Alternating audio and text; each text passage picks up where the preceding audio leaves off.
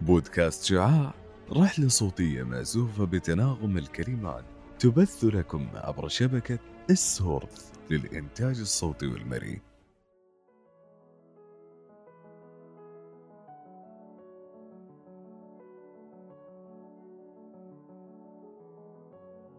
علم المستقبل خوارزميات تصميم وتطوير وتخزين. من هذه المسميات اجتمع الإبداع وتألق الشغف ومزجت أحرف ذات رونق مختلف لتخصص عظيم استوطن لوحة فنية في حياتنا. هل سبق لك ورأيت هذه اللوحة النادرة؟ هنا مع بودكاست شعاع سنكشف الغطاء عن هذه اللوحة لمعرفة تخصص تقنية المعلومات. تبدأ اللوحة النادرة بتصور ذهني يعكس مدى جمالها. واليوم سنبدأ لوحتنا بتصور عن تخصص تقنية المعلومات. فهو تخصص يهتم بدراسة أجهزة الحاسوب واستخدامها في تخزين المعلومات ومعالجتها ونقلها والرجوع إليها عند الحاجة. ويهتم بدراسة كل ما تفوق به الإنسان من تطبيقات وتقنيات حديثة تخدم البشرية. ويعتبر هذا التخصص مجالا هندسيا يندرج تحته العديد من التخصصات التي يتم تدريسها في الجامعات والمعاهد. ويتوسع تخصص تقنية المعلومات ليشمل جميع الأجهزة الذكية والأجهزة اللوحية بما في ذلك برمجة التطبيقات الموجودة عليها وتطويرها. ويكمن الهدف الجوهري لهذا التخصص لكونه يسعى في تحسين استغلال التكنولوجيا الحديثة وتوظيفها بشكل يلبي احتياجات مؤسسات العمل. ولكل لوحة يا صديقي ألوانها المبهرة وألوان هذا التخصص تتميز في درجاتها. لزيادة فرصة الحصول على عمل عن طريق الشهادة فيوجد أكثر من مستوى للحصول على الشهادة. درجة الفنيين درجة البكالوريوس درجة الماجستير درجة الدكتوراه درجة تقنية المعلومات عبر الإنترنت. وكل منا لديه شخصية ومهارات تميزه عن الآخر وهذا ما يجعل التخصصات الجامعية مناسبة لأشخاص وغير مناسبة لآخرين. وهنا يتبادر إلى ذهنك سؤال ما هي المهارات المطلوبة التي تجعلك ماهرا في هذا المجال؟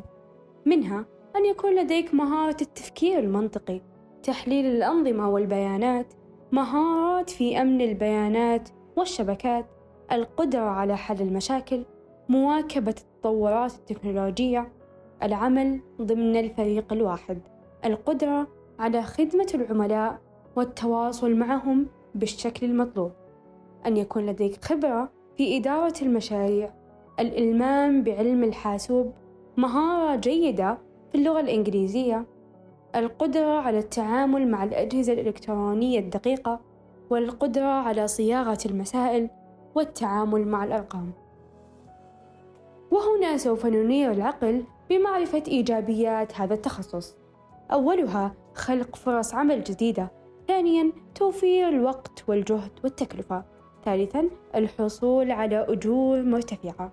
رابعا العمل في أشد المجالات تطورا ونموا.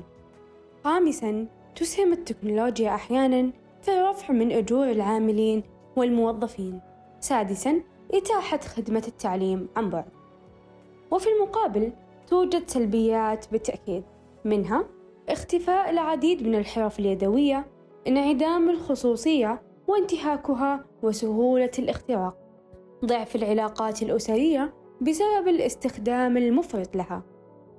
محدودية الجامعات التي تدرس التخصصات المستقبلية في العالم العربي وقد تقدم التكنولوجيا أخبارا أو محتوى غير موثوق وذلك بسبب تعدد المصادر.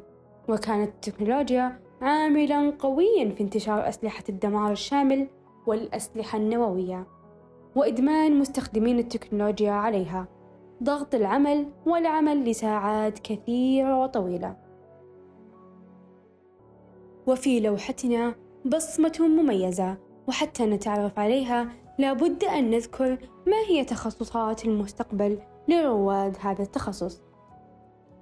منها الطباعة ثلاثية الأبعاد هندسة الفضاء تحريك وتصميم الرسوم المتحركة والوسائط المتعددة الذكاء الاصطناعي علم الفلك هندسة الصوت هندسة الحاسوب علم الحاسوب أمن الشبكات علم البيانات دراسة الأفلام علم الروبوتات هندسة البرمجيات والواقع الافتراضي والواقع المعزز وعدد سنوات الدراسة لهذا التخصص هي أربع أو خمس سنوات بناء على النظام الدراسي لدى الجامعة إذا ما أماكن العمل المتاحة أمام خريجي هذا التخصص؟ يمكنك أن تكون مبرمج حاسوب، مطور ويب، محلل برمجيات، مهندس برمجيات، أو محلل أمن المعلومات. وهذه ليست سوى عدد قليل من الوظائف المتاحة لطلاب تقنية المعلومات.